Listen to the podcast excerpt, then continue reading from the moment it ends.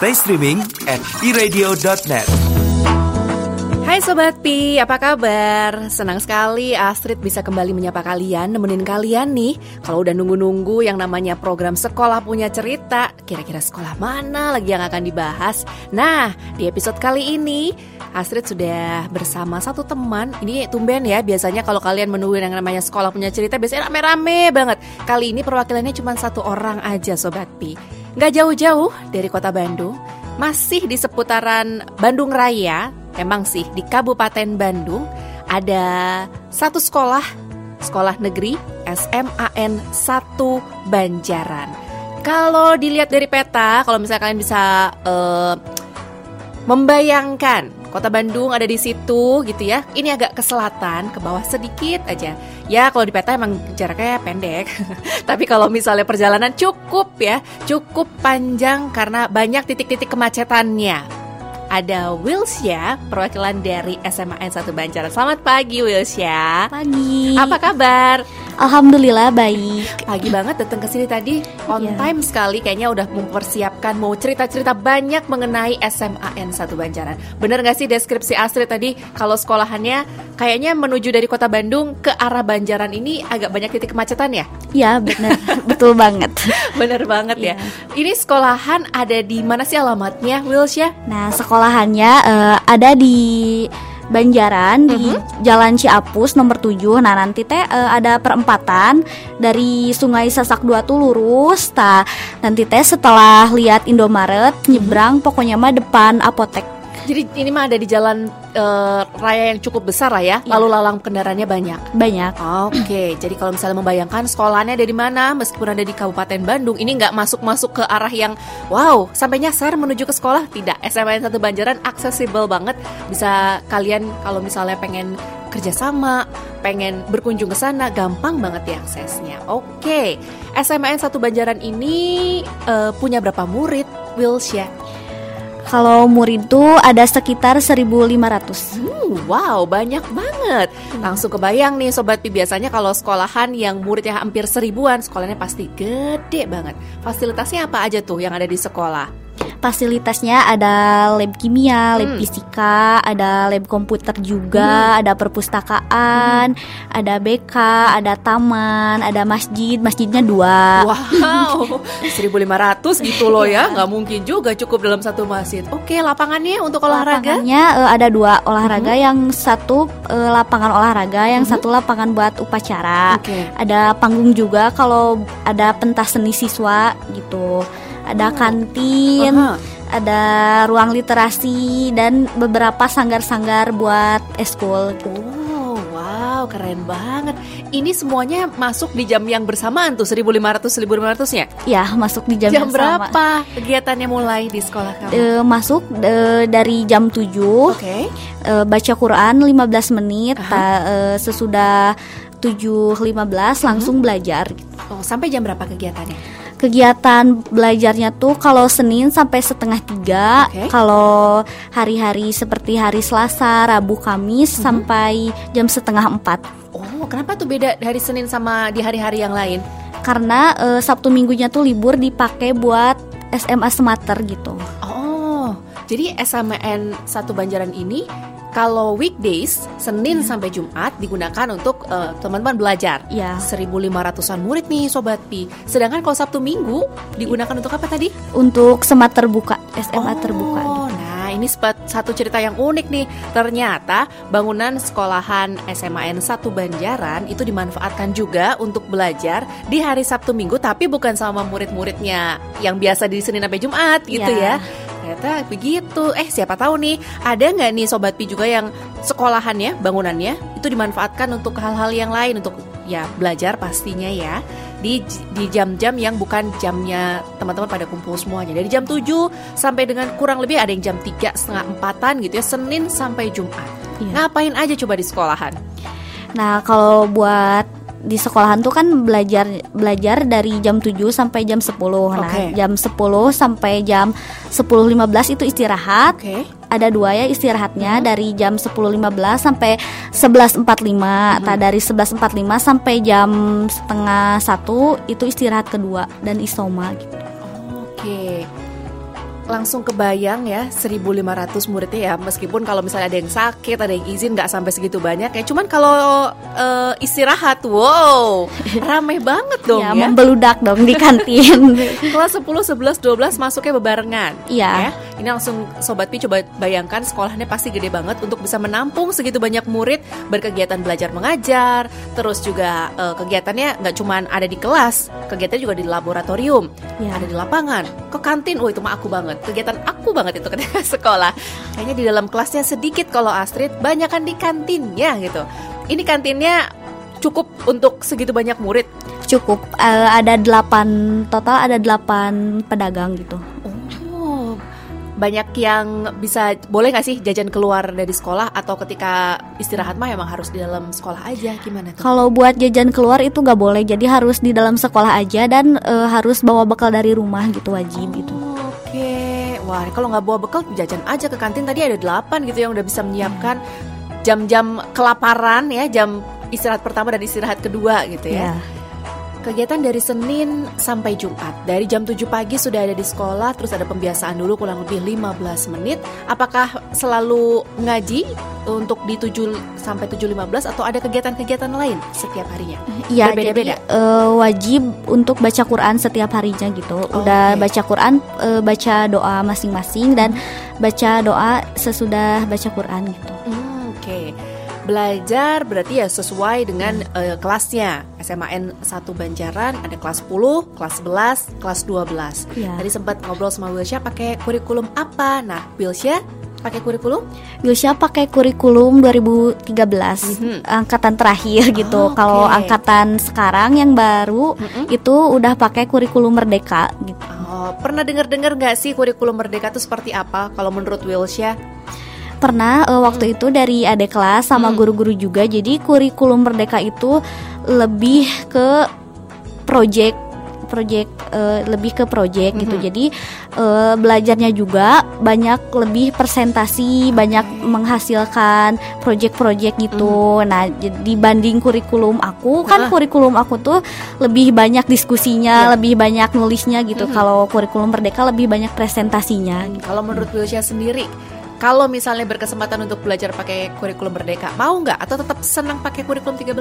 Kalau aku mau sih, soalnya uh, seneng presentasi gitu ya, jadi oh, lebih okay. uh, menantang buat kitanya untuk memperbaiki skill gitu, skill oh. presentasinya gitu. Nah itu dia tuh, siapa tahu tuh sobat P juga ada yang berpemikiran sama. Jadi jangan sampai kalau wah ini kurikulumnya baru, aku kerjanya bakalan bikin uh, presentasi, terus aku bakalan bikin banyak project, terus eh justru seru loh gitu. Karena kalau tadi menurut Wills ya ada skill yang bisa dilatih bukan cuma belajar menerapkan yang ada di buku gitu ya eh, materi-materi yang ada di sana rumus-rumusnya tapi ini benar-benar diterapkan langsung dengan proyek-proyek yang diberikan. Nah, semoga kalau ada yang mendengarkan sudah kelas 10 terus sudah pakai kurikulum merdeka, semangat ya. Ini yang kurikulum 13 sudah sisa-sisa akhir aja kayaknya wah seru tuh kayaknya pengen dipelajarin. Uh, jumlah gurunya ada berapa Wilsya? Ada 60 lebih uh. jumlah gurunya. Oke. Okay. 60-60-nya setiap hari berkegiatan pasti ada di sekolah? Pasti ada. Digabung sama staf-staf TU juga, sama Caraka juga. Oh, ngomong-ngomong soal kegiatan sekolah yang dari Senin sampai dengan Jumat, Sabtu Minggu dimanfaatkan sama pihak lain jadi tidak banyak kegiatan yang bisa dilakukan juga nih. Kalau misalnya kalian lihat SMAN 1 Banjaran ada sekolah uh, eh, SMA negeri lainnya nggak di seputaran Banjaran selain SMA 1? Ada ada SMA Negeri 1 Baleendah, okay. ada SMAN 1 Negeri Soreang, hmm. Pangalengan, hmm. sama uh, SMK 2 Baleendah. Oh, Oke. Okay. Uh, kalau misalnya sobat Pi nggak kebayang nih ya, sebetulnya sekolahan satu sama lain ini nggak berdekatan. Jadi Bale Endah masih agak lebih kesanaan lagi. Uh, kalau dilihat dari jarak kurang lebih berapa ya jaraknya? Ada lim 10 kiloan lebih? Ada, ada ya. Uh, lebih ada. Jadi ini tidaklah di satu area yang sama. Jadi kenapa kalau misalnya tadi kalian kebayang, wih sekolahnya banyak banget muridnya? Ya iya tentu gitu karena SMAN 1 Banjaran yang ada di wilayah Banjaran ya buat uh, yang tinggal di sana rata-rata pasti jadi favorit nih ya.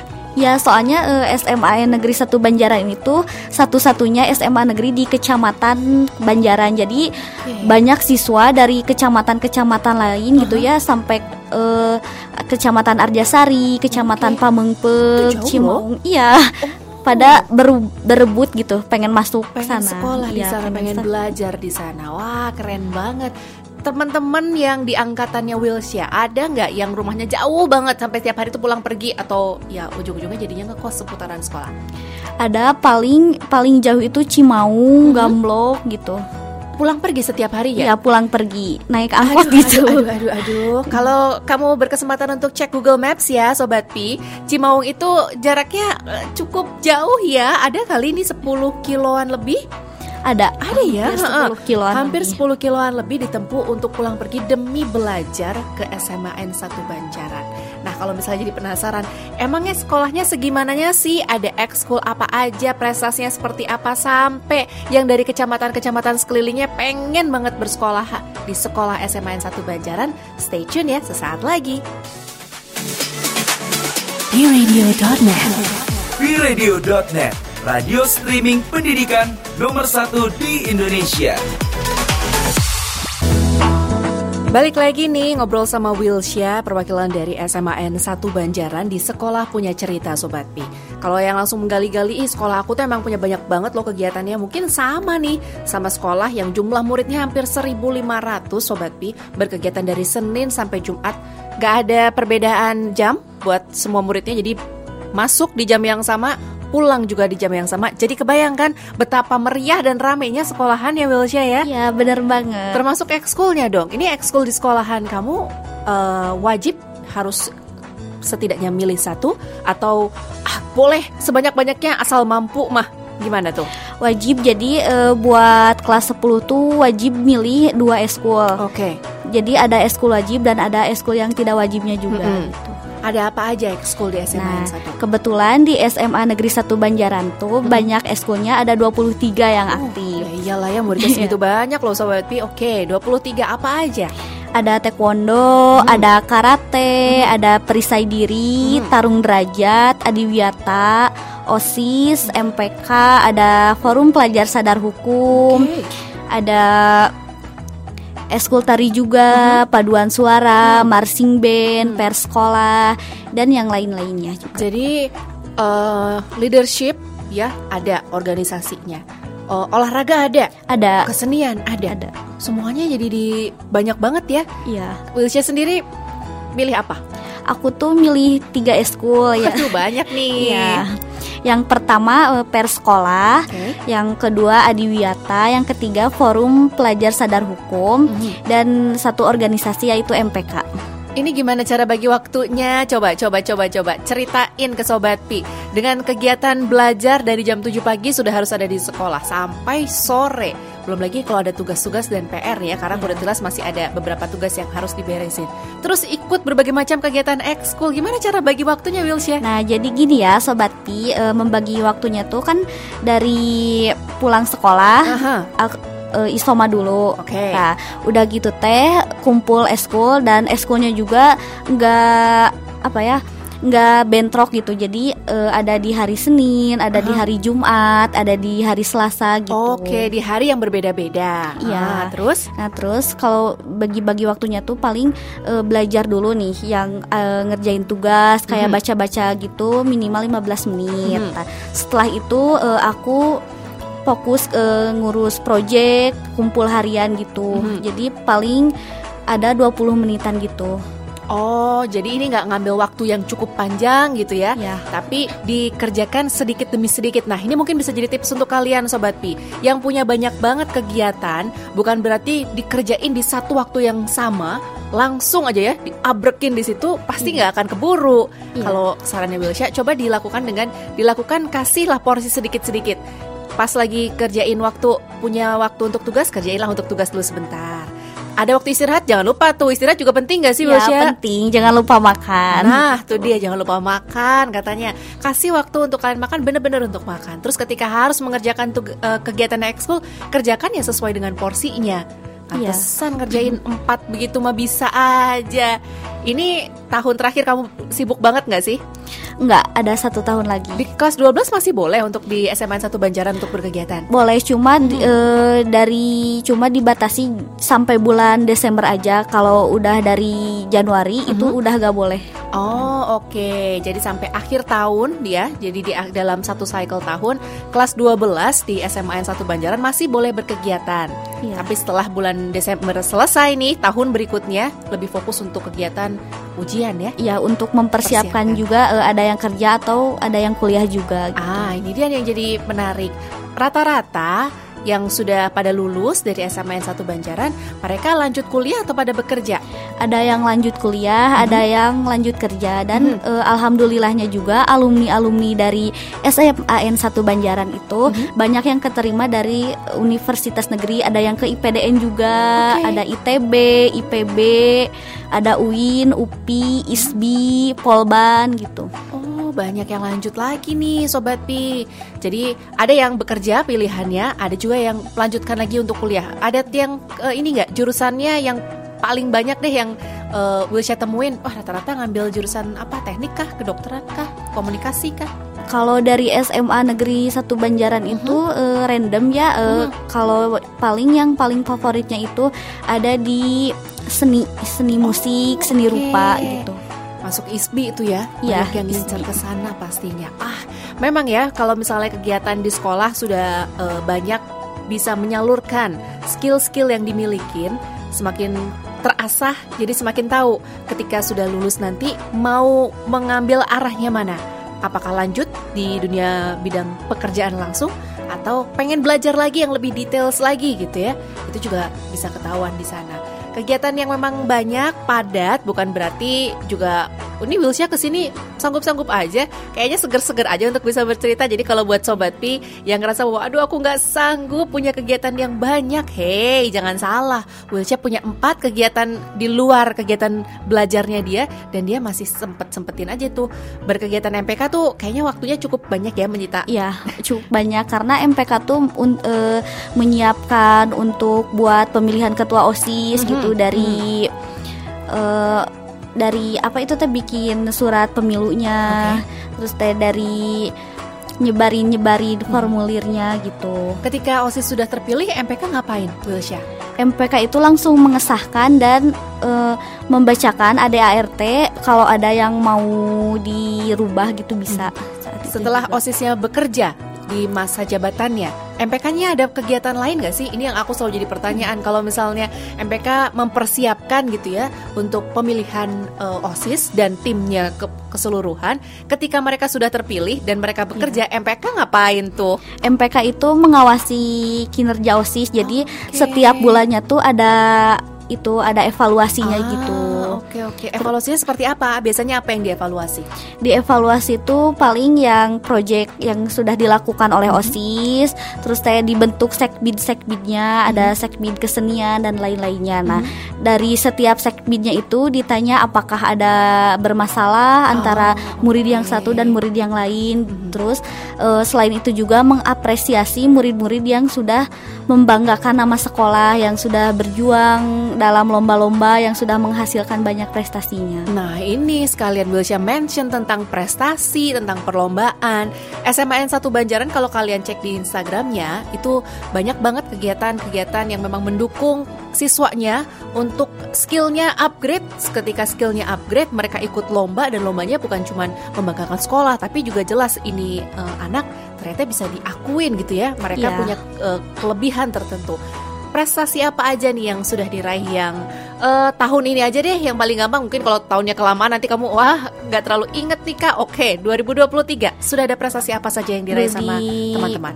tahun ini uh, untuk prestasi saya dulu ya. Oke. Okay. prestasi yang saya raih itu ada juara satu internasional fotografi. Oke. okay ada juara dua nasional fotografi, mm-hmm. ada juara harapan dua FLS 2N tingkat kabupaten, sama juara tiga tari jaipong. Oh, ini Wilsya kayaknya memang senang dunianya art banget ya, iya. fotografinya, narinya. Wah, ini semoga kalau misalnya ada sobat yang mendengarkan dan senang sama art, bisa kok kalian untuk bisa meraih itu semuanya sembari masih sekolah, ya. ya ada tipsnya nggak sih Wilsya gimana caranya membagi waktu kalian belajar ya? Karena memang tugasnya pelajar adalah belajar.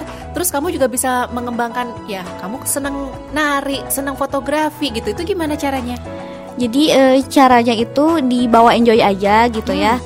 ya. E, kalau waktunya belajar ya belajar. Kalau waktunya latihan, e, misalnya latihan. Jadi e, dari pulang sekolah kan uh, eskul dulu okay. terus pulang ke rumah agak malam lah uh, kalau udah beres sholat isya kan langsung ngerjain tugas hmm. langsung belajar nah sisa waktunya kalau dari jam 8 kadang uh, aku latihan nari itu hmm. ya uh, ngumpulin-ngumpulin puisi juga buat lomba okay. gitu. Kadang foto-foto apa bunga atau awan, hmm. bintang bulan juga. Nah, selain aktif di sekolah juga, aku tuh aktif uh, di berbagai organisasi luar juga. Hmm, Ada apa aja tuh? Uh, alhamdulillahnya waktu tahun 2022 aku tuh kepilih jadi jurnalis media pelajar gitu. Hmm, Oke, okay.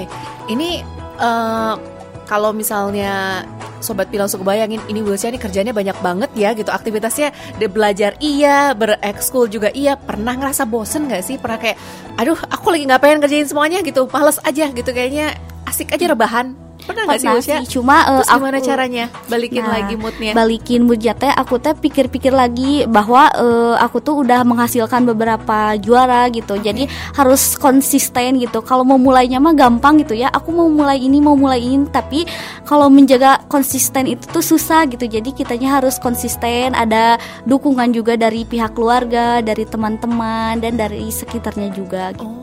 Oke, kuncinya adalah konsisten. Rasa-rasa males gitu ya, rasa nggak pengen mah ada aja gitu. Ada, dong, ada, aja, ada aja, pasti. pasti gitu. Tapi diingat-ingat lagi bahwa perjuangan sampai di titik itu itu butuh perjuangan yang nggak semalam dua malam. Hmm. Dikerjakan terus menerus, konsisten aja dilakuin. Ini bukan berarti konsisten ngerjain semuanya ya, sobat Pi. Wilsha tadi udah bilang bahwa dia ngasih porsi waktu belajar jam sekian sampai jam sekian. Ngerjain yang untuk ekskul dia kasih waktu lagi.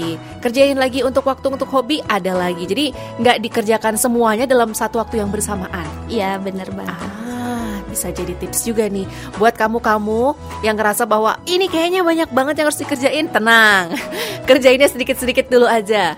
Pasin aja kira-kira yang ini aku kasih waktu 10 menit, yang ini aku kasih waktu 20 menit pasti juga nanti akan beres. Konsisten aja kuncinya, kerjain sedikit demi sedikit.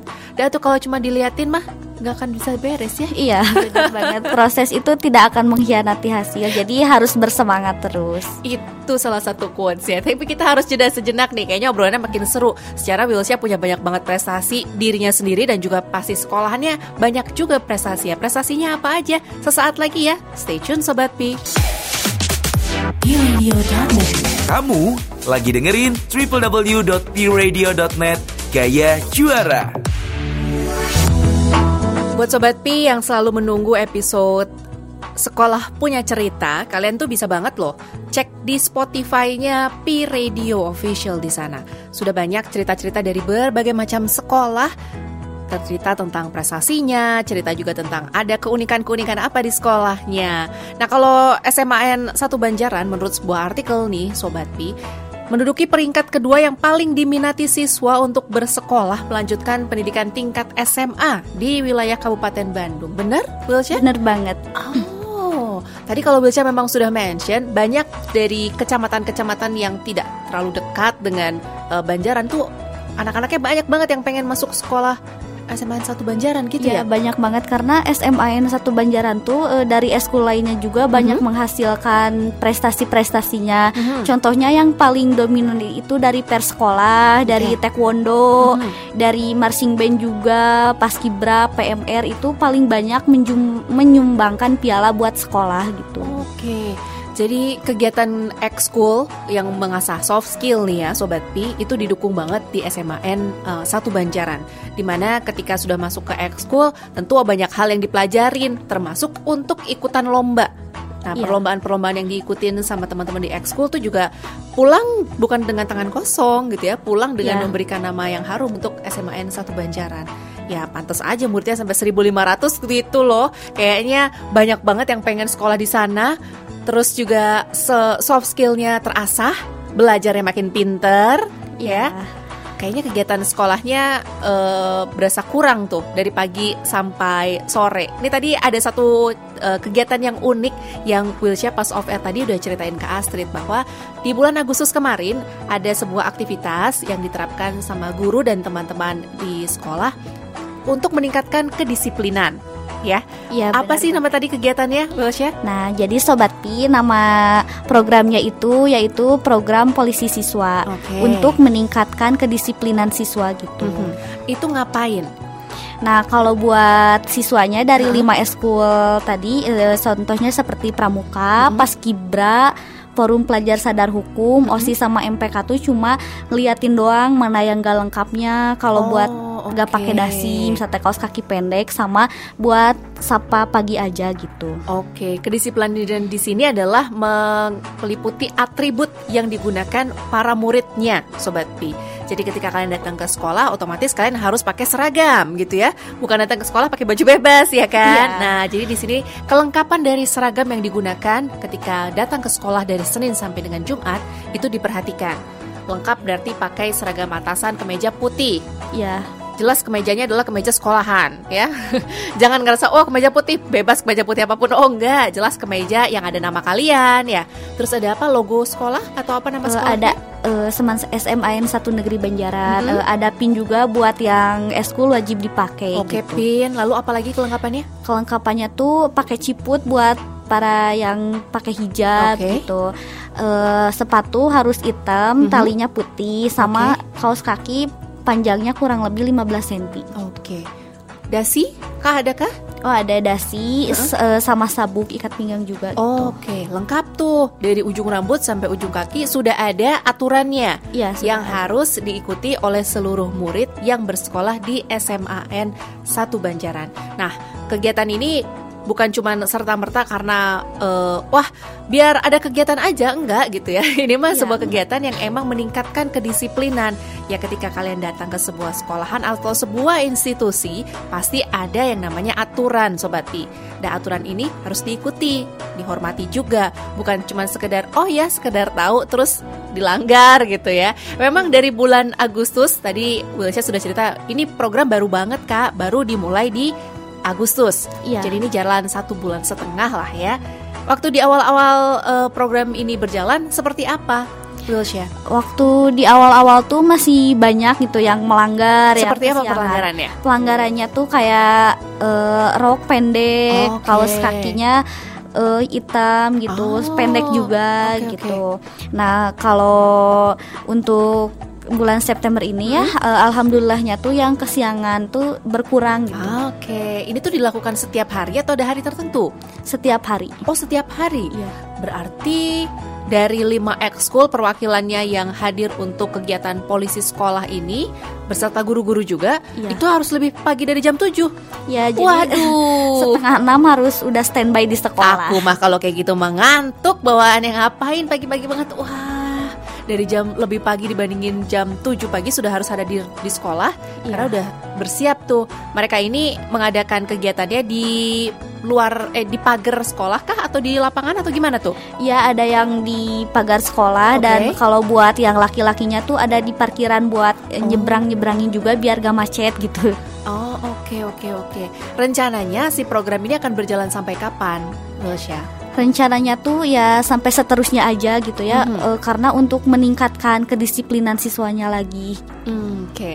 tadi bisa cerita bahwa uh, sudah ada pengurangan nih dari yang awalnya masih ada aja gitu ya yang kelengkapannya kurang, ini kurang, itu kurang, tapi di bulan September ini sudah ada perbaikan, sudah semakin dikit nih yang melanggarnya, sobat Pi. Siapa tahu di sekolahan kalian lagi ada yang memikirkan program apa ya kira-kira yang bisa diterapkan. Nah, salah satu program kedisiplinan ini bisa kalian coba terapkan, sobat Pi. Di SMAN 1 Banjaran sudah diterapkan kerjasama dengan 5 uh, ekskul dan juga ada guru-gurunya juga ya? Ada dong. Nah, ada guru-gurunya juga jadi bukan cuma sama teman aja. Kalau sama teman mah, lo pasti kong kali kongnya banyak tuh kayak, udahlah, nggak apa-apa, nggak apa-apa, aku nggak pakai sabuk hari ini, hates, nggak bisa gitu, yeah. gitu ya. Oke, okay. Uh, eh, kalau misalnya melanggar, apa hukumannya Mamang Wills ya? Nah, kalau yang melanggar itu kan setiap siswa tuh dikasih buku tata tertibnya. Nah, okay. itu di sana sudah tertera jelas uh, poin-poinnya buat si pelanggar itu gitu. Jadi salah satunya apa? Salah satunya tuh kalau rok pendek sama hmm. kaos kaki itu uh, di poin 5 kalau yang ngelanggar gitu. Oh, jadi kalau misalnya ada pelanggaran itu kayak dikalkulasiin? Iya. Oh, nah berarti di apa akhir bulan kah atau di akhir uh, tiga bulan kah itu tuh dihitung setiap muridnya atau gimana? Jadi setiap enam bulan sekali dihitung. Hmm. Terus kalau yang paling banyak menang dong. Nah, kalau yang paling banyak itu nanti uh, dikasih surat peringatan, peringatan. sama okay. kalau yang udah banyak banget itu uh, uh. dipanggil orang tuanya gitu. oh. gitu ini bukan banyak banget terus dapat poin ya justru ini malah poinnya adalah poin buruk gitu kan ya, ya. jadi jangan sampai ngumpulin poin banyak-banyak pelanggaran oh menarik tuh dengan sistem seperti itu. Siapa tahu loh sekolahan kalian sobat pi ada yang ingin menerapkan. Jadi bukan langsung ditindak di saat itu juga? Bukan tapi oh, di okay. sistemnya poin. Di sistem poin. Ada pengurangan atau remisi poin gak sih? Biasa kan kalau negara ini bulan Agustus suka ada remisinya gitu. Kalau misalnya di hari-hari tertentu ada ada pengurangannya karena oh kelakuannya sudah semakin baik atau gimana? Kalau itu nggak nggak ada, ada aduh kalau udah tercatat ada poin di sana rasanya ingin dihapus tapi udah nggak bisa jadi harus lebih disiplin aja gitu ya, ya. berarti untuk berikut berikutnya oke okay. uh, eh, di part yang ini aku penasaran tentang kegiatan MPK dan OSIS di tahun 2023 ke 2024 ini sudah ada pergantian teman-teman OSIS kah atau belum? Belum. Jadi hmm. nanti pergantiannya an, uh, antara Desember sama November gitu. Oh, kayak akhir tahun ya. ya. Berarti ini masih teman-teman OSIS yang di kelas 11 yang pegangnya? Iya. Ah, sudah menjalankan program apa saja di tahun 2023 ini? Untuk di tahun 2023 ini eh, SMA Negeri 1 Banjaran itu sudah menjalankan yang namanya pentas seni, okay. hmm, festival budaya, hmm uh, ada festival keagamaan juga waktu Sunlight kemarin gitu. Jadi banyak sponsor sponsor-sponsor dari dari luar yang berdatangan ke SMA Negeri 1 Banjaran waktu acara tertentu gitu ya. Seperti acara disnatalis, acara festival dan acara yang lainnya. Oke. Festival-festival yang dilakukan ini setiap tahun pasti adakah atau memang ya tergantung sama ke ketua OSISnya apakah ingin melakukan program kerja seperti apa? Kalau itu diusahakan setiap tahunnya hmm. harus ada. Hmm, Oke. Okay. Jadi uh, program tahunan mah pasti ada. Ya, ada. Salah satunya adalah festival, baik itu festivalnya berkesenian, tentang keagamaan, ataupun kegiatan yang uh, kalau di Statalis berarti ngundangin alumni-alumni yang sebelumnya.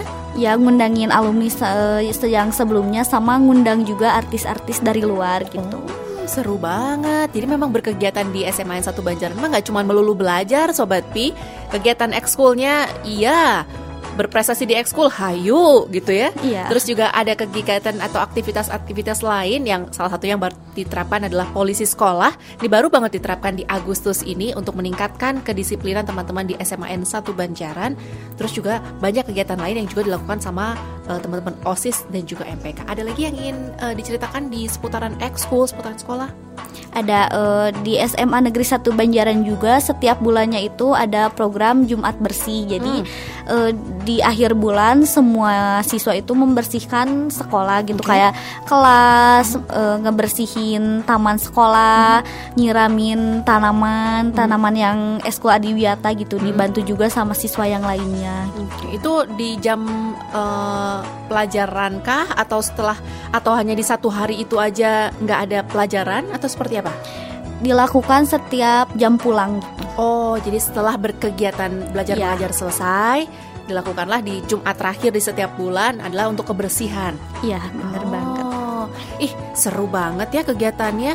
Kayaknya yang sekolah di SMN 1 Banjaran uh, ini deh banyak banget potensi yang bisa ditemukan yang mungkin ya. waktu SMP-nya aku SMP ngapain ya gitu. Kayaknya masih ragu-ragu untuk ini itu. Tapi ketika masuk ke SMA N1 Banjaran yang merupakan peringkat kedua yang paling diminatin siswa untuk sekolah lanjut di tingkat SMA di Kabupaten Bandung nih ya langsung tuh meletek banget skill-skillnya. Skill kepemimpinan ekskulnya banyak. Iya. Skill olahraga juga sama.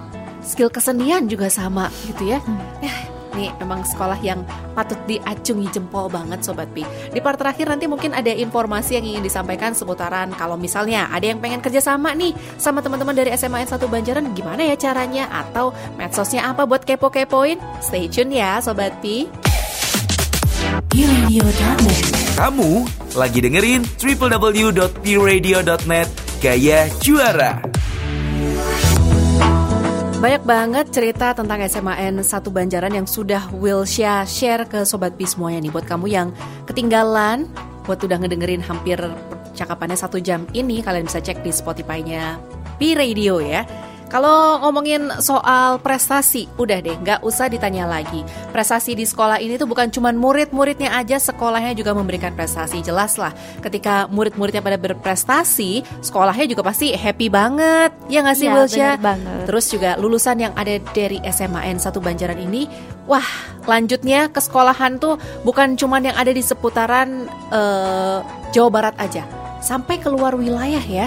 Iya. Dengan jurusan yang berbagai macam. Kalian bisa cek deh di Instagram ini. Astrid pas udah lihat yang ya ampun, keren-keren banget loh. Sekolahnya udah sampai ke universitas tadi apa Jember lah, ada UIN yang di ada UPI yang ada di Purwakarta. Wah, itu sebuah prestasi yang luar biasa dari murid-muridnya yang tentu ini adalah perjuangan para guru juga yang ngajar di SMAN 1 Banjaran. Kalau misalnya Sobat Pi ada yang tertarik nih untuk lihat lebih lanjut, kepoin lagi tentang SMAN 1 Banjaran, bisa dicek ke mana Wilsya?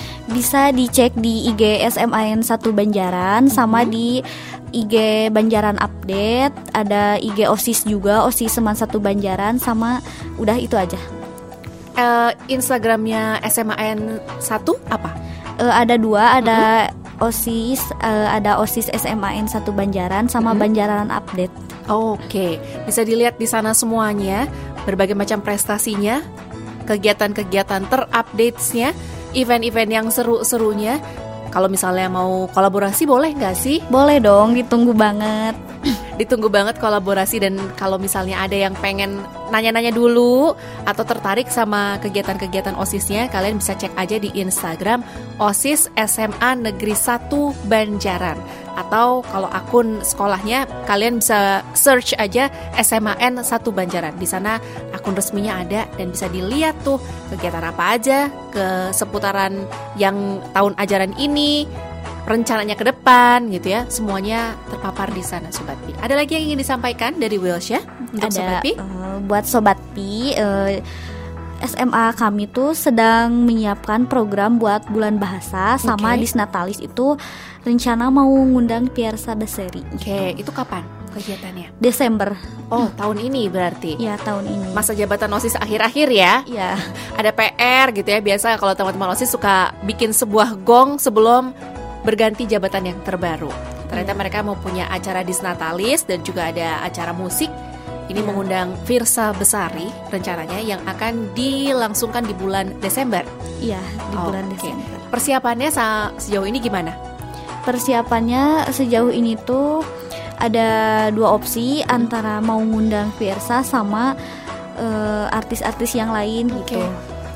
Sudah berjalan berapa persen kira-kira? Ada gak kisi-kisinya dari teman-teman OSIS? Sepusing apa biasanya kalau udah mau iya. ada kegiatan pasti ya kusut ya teman-teman OSIS tuh mukanya. Kalau ya paling 50% udah ada. Oke. Okay.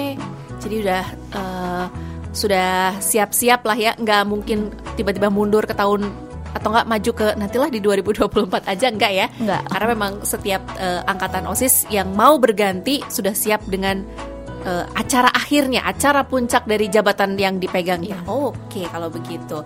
Uh, kalau misalnya nggak ada lagi yang mau disampaikan, ini diingatkan lagi untuk sobat semuanya yang mau cek informasi seputaran SMAN 1 Banjaran bisa cek di Instagramnya. Kalian search aja SMAN 1 Banjaran. Di sana akan muncul akun OSISnya dan juga akun sekolahannya. Iya. Kalau misalnya mau kolaborasi tadi Wilca bilang dengan senang hati ya. Ya. Ditunggu banget kalau misalnya yang mau pengen kolaborasi, teman-teman sangatlah terbuka. Kalau ngajakin kompetisi, mah wah, apalagi kalau ngeliatin kalian prestasi-prestasi yang dimilikin, udah pasti siap untuk berkompetisi ya, ya. teman-teman dari SMAN 1 Bajaran. Oke deh kalau gitu, Wilsha terima kasih uh, salamkan untuk guru-guru dan juga teman-teman di OSIS dan MPK dan teman-teman ekskul lain. Kalau misalnya nanti ada event terbaru, ada prestasi lagi yang pastinya di angkatan-angkatan berikutnya juga banyak banget cerita-ceritanya. Ya. Jangan lupa mampir-mampir dan cerita-cerita buat kita semuanya ya. Ya, siap sama-sama juga Kak Astri. Buat Sobat Pi juga terima kasih ya yang sudah mendengarkan. Itu tadi obrolan Astrid bersama Wilsya, perwakilan dari SMAN 1 Banjaran di Sekolah Punya Cerita. Kalau Sobat Pi nungguin terus, kira-kira sekolahan mana lagi ya yang bakal datang dan bercerita-cerita? Nantikan terus episode selanjutnya Sekolah Punya Cerita. Radio.net, radio streaming pendidikan nomor satu di Indonesia.